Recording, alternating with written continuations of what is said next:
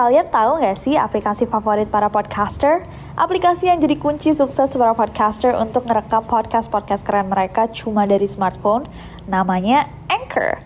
Anchor ini kalau aku bisa bilang adalah all-in-one app yang simple banget. Gak heran kalau para podcaster bilang bahwa aplikasi inilah kunci kesuksesan dari podcast-podcast mereka. Di Anchor, kalian gak cuma ngerekam suara, tapi juga bisa ngedit. Mulai dari rekaman, isi lagu, efek, dan lain-lain. Yang paling aku suka adalah karena Anchor ini super fungsional. Aku bisa langsung upload podcast aku ke Spotify atau platform lain langsung dari Anchor. Kalian bisa download Anchor di smartphone kalian langsung dari App Store, Play Store, atau dari web mereka www.anchor.fm. Trust me, Anchor is your best friend to create stunning podcasts. And you know what? It's totally free. Hey guys, it's Nancy. And welcome back to Nero. To Nero. To Nero. Kini Podcast Network. Pada pukul 4 lewat 13 pagi, Christine sekali lagi terlihat dibawa kembali ke ruang Hey guys, it's Nessie and welcome back to Nekor. Setiap kali aku masuk ke Instagram, Twitter, TikTok, atau YouTube dan melihat satu topik yang banyak sekali di request sama kalian berulang-ulang kali, aku biasanya langsung intrigue, langsung tertarik untuk mencari tahu apakah kasusnya sudah memiliki cukup informasi untuk kita bahas bersama di Neror. Dan kasus yang malam ini kita akan bahas adalah satu kasus yang udah dari kepalaku sekitar seminggu ke belakang dan aku rasa walaupun belum terpecahkan kasusnya ini dengan informasi-informasi yang ada sudah bisa bisa kita bahas. Hari ini kita akan membahas satu kasus yang sedang sangat-sangat viral, especially di negara tetangga kita, the Philippines. So hari ini kita akan membahas tentang kematian misterius Christine Angelica de Serra pada malam tahun baru kemarin. Seorang pramugari multitalenta, cantik, dan pintar yang juga cukup dikenal di sosial media. Ternyata melewati pergantian tahun untuk terakhir kalinya sebelum tubuhnya yang sudah membiru ditemukan di bak mandi kamar hotelnya dengan memar-memar dan lebam. Christine DeSera berpesta dengan belasan laki-laki pada malam itu. Tapi apa yang sebenarnya terjadi? Kita akan bahas bersama-sama malam ini. So without any further ado, stop senyum-senyum. The shit's about to go down. Soal alangkah baiknya sebelum kita masuk ke kasus dan kronologinya, kita mengenal siapa ini Christine Angelica DeSera.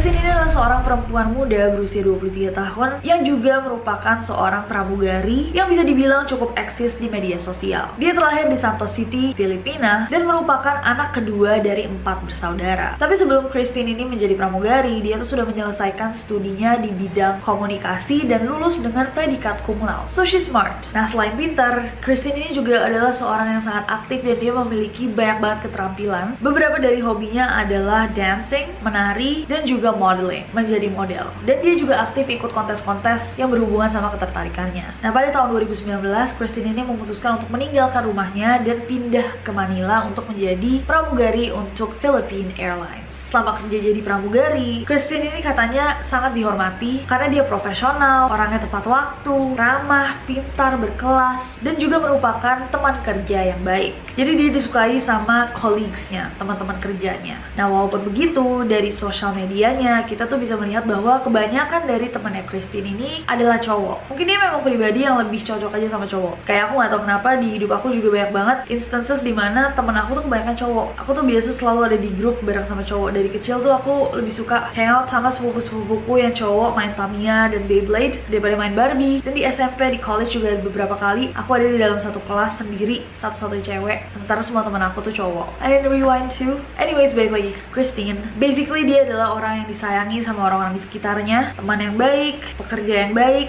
anak yang baik, yang sangat dicintai sama orang tuanya, dan sangat menyayangi keluarganya. Mamanya Christine ini juga sempat bilang bahwa Christine tuh selalu bilang salah satu mimpinya adalah untuk membawa keluarganya berkeliling dunia. So she's an overall pretty awesome person. Baik, pintar, multi talenta, sopan, ditambah juga cantik. Tapi sayangnya hidupnya berakhir dengan sangat tragis.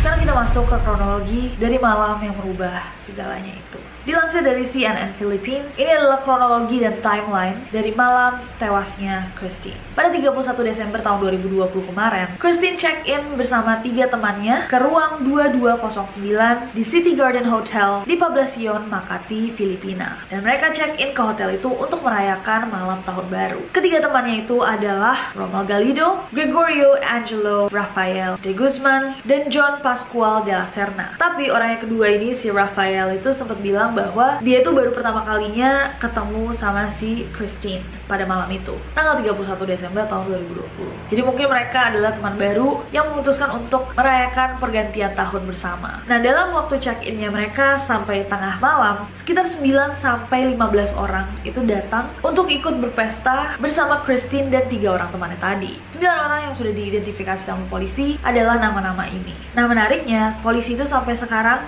masih mengidentifikasi orang-orang ini sebagai sebagai teman dari temannya Christine. Tapi pihak keluarga itu yakin bahwa Christine itu sama sekali tidak mengenal orang-orang ini. So katanya keluarga Christine ini adalah orang-orang tidak dikenal Strangers. Pada 1 Januari tahun 2021, antara jam 12 malam sampai jam 12.30, Christine itu berpesta bersama teman-temannya. So they were having good time, semua bersenang-senang. Dan menurut mamanya Christine, pada sekitar jam 12.30-an, Christine itu sempat telepon ke keluarganya untuk bilang kayak Happy New Year dan juga bercerita bahwa akan ada pesta malam itu di Makati Hotel. Jadi hotel yang berbeda sama yang dia tinggali. Pada pukul 2 lewat 52, CCTV hotel menunjukkan Christine sempat mencium seorang laki-laki ber bertopi yang later identified diidentifikasi sebagai Valentine Rosales. Sebelum akhirnya Christine masuk ruangan. Pada pukul 3 lewat 22, Christine sekali lagi terlihat sedang berinteraksi bersama seseorang, tapi itu adalah orang yang berbeda sama yang sebelumnya. Dan selama dia berinteraksi dengan laki-laki itu, ada dua orang laki-laki lain yang lewat, dan ada tiga orang laki-laki lainnya yang ikut ada di geng itu,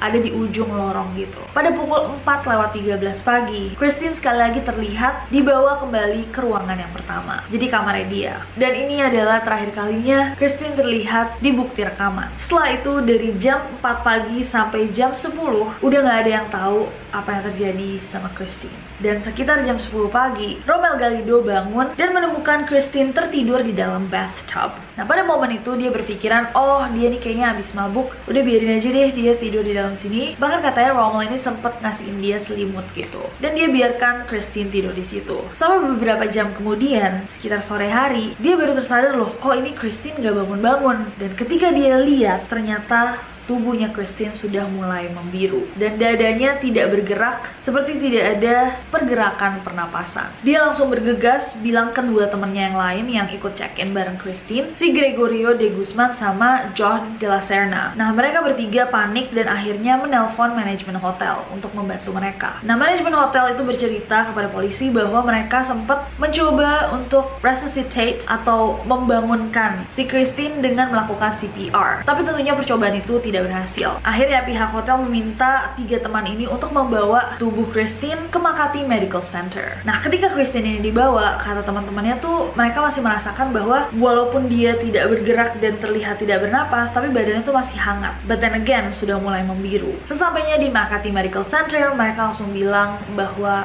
Christine sudah tidak bernyawa. Dan kemungkinan besar penyebabnya adalah ruptured aortic aneurysm atau aneurisma robeknya pembuluh darah aorta. Rumah sakit tersebut, Makati Medical Center juga langsung melaporkan kematiannya Christine ke pihak yang berwajib dan ketika hotel didatangi kembali, ternyata cowok-cowok yang tadi malam check-in di sebelah kamarnya Christine itu semua sudah tidak ada. Pada tanggal 2 Januari tahun 2021, otopsi dilakukan pada jenazahnya Christine di rumah duka Rizal di kota Pasai pada jam 9 pagi dan dipimpin oleh petugas medical legal mayor polisi Michael Nick Sarmiento. Nah, dari temuan postmortem melalui laporan medical legal oleh Southern Police District Crime Laboratory, publik bisa mengetahui bahwa penyebab kematiannya Christine itu sesuai dengan apa yang sebelumnya dilaporkan oleh Makati Medical Center, bahwa dia meninggal karena aneurisma. Namun, hasil otopsinya juga menyebutkan bahwa ada memar di tangan kanan Christine, paha kanannya, lutut, pergelangan kakinya, kaki kanan, dan abrasi linier pada paha kanannya. Selain itu, juga ditemukan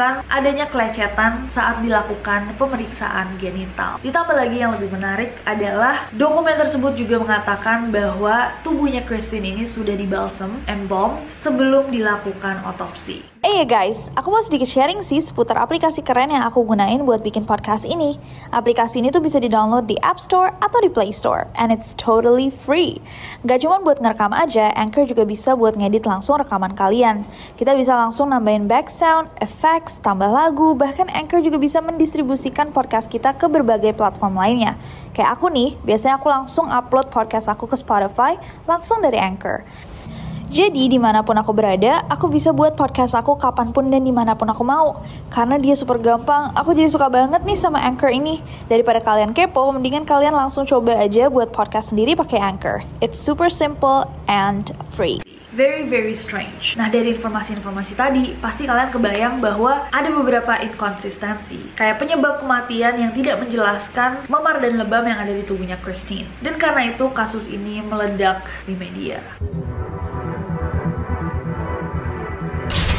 Sekarang kita masuk ke teori-teorinya. Teori yang pertama adalah Christine dilecehkan dan disetubuhi oleh orang-orang yang berpesta dengannya di malam tahun baru itu. Teori yang satu ini adalah teori yang paling populer dan didukung juga dengan fakta-fakta bahwa ada memar-memar dan lebam yang ada di tubuhnya Christine. Kemungkinan besar itu adalah bukti dari pemberontakan dan kekerasan. Ditambah lagi, ditemukan ada sisa air mani laki-laki di bagian genitalnya Christine. Tapi itu juga bisa menjelaskan kayak mungkin aja dia sempat tidur sama seseorang, tapi bukan berarti bahwa itu bukti terkuat bahwa dia dilecehkan malam itu. Teori yang kedua adalah yang sejalan dengan medical reports dan seperti yang dikatakan oleh Makati Medical Center bahwa dia meninggal karena aneurisma. Basically pembengkakan arteri, sobeknya aorta. Aorta itu adalah arteri terbesar yang ada di tubuh kita yang berasal dari jantung dan memasok darah ke seluruh bagian tubuh kita melalui arteri. Dan aneurisma aorta itu adalah pembengkakan aorta yang abnormal. Basically penggelumbungan dari dindingnya aorta itu bisa menyebabkan aortanya pecah dan menyebabkan pendarahan internal yang sangat-sangat besar di dalam tubuh kita dan rasa nyeri yang sangat-sangat parah. Nah, teori yang satu ini tentunya didukung oleh medical records-nya, ditambah bukti otopsinya. Namun orang-orang sadar bahwa teori ini tidak menjelaskan adanya memar-memar dan lebam yang ada di tubuhnya Christine. Ditambah lagi keluarga Christine cerita bahwa sebelumnya tidak pernah ada problem sama Christine ini. Dia adalah orang yang sehat dan bahkan ketika dia menelpon keluarganya jam 12.30 pagi itu tidak ada the slightest hint bahwa dia itu sedang kesakitan atau merasa sesuatu yang aneh dari tubuhnya. Nah setelah aku baca-baca lagi juga, ternyata beberapa penyebab terbesar dari aneurism adalah tekanan darah yang tinggi, kondisi yang dibawa dari lahir, kecelakaan, usia, jenis kelamin lelaki, kehamilan, atau yang terakhir adalah penggunaan obat. Jadi kalau nggak salah, kalau misalkan dosisnya itu terlalu banyak, sampai tubuh seorang manusia itu kaget gitu. Coba kalau misalkan kalian dokter, ahli arteri gitu, correct me if I'm wrong. But basically teori kedua ini tadinya tuh didukung sama keluarganya Christine. Jadi mereka udah menerima bahwa Christine ini meninggal karena aneurysm. Namun ketika kasus ini mulai meledak di sosial media, banyak orang-orang yang point out bahwa banyak banget ada konsistensi di dalam kasus ini. Barulah keluarganya Christine ini kayak iya juga ya, kayaknya ada yang nggak pas dengan teori aneurysm ini. Dan akhirnya mereka pun mendiman atau meminta kasus ini untuk diusut sampai tuntas. Karena mereka juga yakin bahwa malam itu Christine tidak sakit. Kita masuk ke teori yang ketiga. Teori yang ketiga ini berhubungan sama salah satu cause atau penyebab dari aneurysm yang tadi aku sempat sebutin. Tepatnya yang terakhir, penggunaan obat. Jadi, lama-kelamaan setelah informasi mulai piling up, mulai bertumpuk, keluarga Christine ini mulai yakin bahwa malam itu Christine itu di drug raped. Apa tuh drug rape? Basically dia bukan hanya dilecehkan, tapi dia tanpa sepengetahuannya itu dikasih sesuatu di dalam minumannya atau makanannya yang merupakan obat-obatan terlarang yang membuat dia lemah atau tak sadarkan diri. Nah teori yang tiga ini kalau benar itu bisa menjelaskan sih kenapa tiba-tiba dia kena aneurysm dan kenapa ada lebam-lebam di seluruh tubuhnya. Nah teori yang satu ini juga didukung oleh kesaksian dari salah satu temannya Christine yang cerita bahwa ketika mereka lagi party, Christine tuh sempat bilang ke dia bahwa dia ngerasa ada seseorang yang spiked minumannya dia atau masukin sesuatu ke minumannya dia. Christine tuh bilang kayak ini kayaknya ada deh, kayaknya gue tahu nih ada yang seseorang yang masukin sesuatu ke minuman aku. Soalnya setelah aku minum dari tadi tuh aku tiba-tiba tubuh aku mulai nggak enak gitu. Nah tapi teori yang ketiga ini tidak terlalu menjelaskan beberapa kejanggalan-kejanggalan lain yang ada di kasus ini. Aku kasih tahu kalian beberapa yang menurut aku sedikit kayak wait what bikin kita muter otak banget. Jadi, ini adalah beberapa fakta-fakta. Fakta yang pertama adalah, jadi kalau kalian baca banyak banget artikel, banyak banget artikel-artikel yang nomornya tuh beda-beda. Kayak ada yang bilang bahwa ada 11 orang sama Christine malam itu. Dia satu-satunya perempuan, tapi ada 11 laki-laki. Tapi menurut salah satu temennya Christine, bukan 11, tapi ada 16 orang laki-laki malam itu yang ada di pesta bersama mereka. Dan nomornya ini berubah-ubah banget hampir di semua media. Kayak polisi bilang 9, tiba-tiba yang nulis 11, ada yang bilang 15, ada yang bilang 16. Yang menurut aku sedikit janggal di kasus-kasus kematian yang tidak disengaja. Karena biasanya kan ada witnessnya kayak oh iya emang ada segini orangnya ini orang-orangnya jelas gitu. Tapi kalau yang ini tuh berbeda-beda gitu loh kesaksian polisi beda teman-temannya beda gitu. Belum ada yang konsisten yang kedua adalah Christine ini ditemukan di dalam bathtub, jadi bak berendam. Namun ketika dia ditemukan pertama kali jam 10 pagi, salah satu temennya nih yang cowok salah satu yang sama dia itu nggak mencoba untuk membangunkan dia atau ngecek gitu loh eh, apakah dia nggak apa-apa atau mindahin kayak bangunin dikit ayo pindah ke kasur gitu kan. Mungkin aku yang nggak tahu scene party apakah segila di film-film gitu kalau misalkan ada orang yang oh ternyata dia tidur di balkon, tidur di bathtub biarin aja gitu. Cuma menurut aku sedikit janggal aja kalau misalkan aku terbangun tiba-tiba lihat ada teman aku di bathtub semabuk apa pun mungkin aku kayak hey pindah yuk kayak lo nggak apa-apa tidur sini nggak sakit apa apa lagi gitu kan. Dan selama berjam-jam didiemin dia ada di dalam bathtub. Menurut aku itu sedikit aneh. Dan kenapa dari tiga orang cowok yang nginep sama Christine masa nggak ada satupun yang ke kamar mandi dan ngeliat Christine ada di bathtub? Antara jam 4 pagi sampai jam berapa tuh waktu dia akhirnya ditemukan sudah mulai membiru gitu. Masa nggak ada yang kayak ngecek gitu sebelum akhirnya orang yang sama sama yang pertama nemuin dia ngecek untuk kedua kalinya. I think it's a bit strange timelinenya. Nah yang ketiga yang menurut aku paling kayak what itu adalah orang-orang yang dibilang sebagai suspek atau tersangka. Jadi laki-laki yang malam itu berpesta bersama Christine itu ada beberapa yang tidak mau kooperatif sama polisi. Menurut aku ini sedikit aneh karena kalau misalkan kita memang tidak terlibat dan dia benar-benar sakit meninggal karena sakit di dalam bathtub itu karena aneurysm bukannya kita mestinya yang membantu polisi atau keluarganya untuk mengidentifikasi apa yang sebenarnya terjadi pada malam itu. Kayak kenapa dia bisa sampai sakit kan? Karena kita nggak bersalah. Tapi kalau misalkan kita lari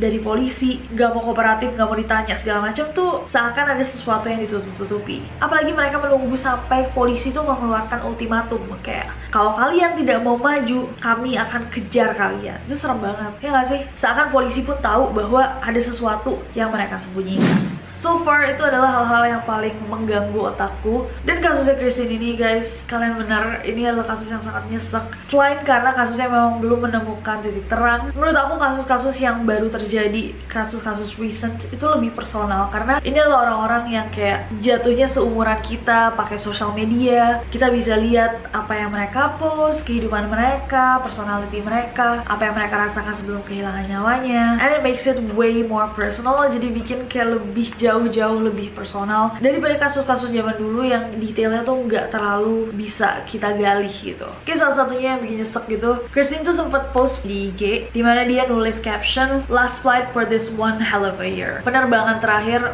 untuk tahun yang luar biasa ini dan aku membayangkan ketika dia menulis itu dia nggak tahu bahwa itu bukan hanya penerbangan terakhirnya di 2020 tapi selamanya dan itu bikin aku kayak oh kayak kita nggak tahu apakah kayak pesan-pesan terakhir yang kita post di sosial media atau di WhatsApp ke teman kita tuh kayak satu hal terakhir yang bisa di keep sebagai memori gitu. Memori terakhir kita. Gila banget. So crazy. Dan ketika aku baca-baca tentang kayak seaktif apa dia dan testimoni-testimoni baik dari teman-temannya tuh oh oh man. This case is so heartbreaking. Yang jelas aku mendoakan keluarga di Sarah agar segera menemukan jawaban diberi ketabahan dan ketenangan Amin. So aku sekarang mau dengar dari kalian. Teori mana yang menurut kalian paling masuk akal? Jika kalian ngikutin juga nih kasusnya Christine, apakah ada detail-detail yang aku kelewat? Walaupun aku udah baca banyak, pasti aja ada satu atau dua yang menurut kalian sebenarnya ini adalah detail penting. Cause I would love to know more. Dan kalau misalnya kalian tahu detail-detail lainnya, bisa juga di share sama aku wherever you feel like. Tapi aku mau dengar bener-bener teori dari kalian sih. Kayak apa yang menurut kalian terjadi pada Christine pada malam itu? Dan apa pelajaran yang kalian dapat dapatkan dari kasus yang satu ini Berada tentang follow aku di Instagram dan Twitter gampang banget Nesi saja karena aku gak sabar buat ketemu kalian lagi bye bye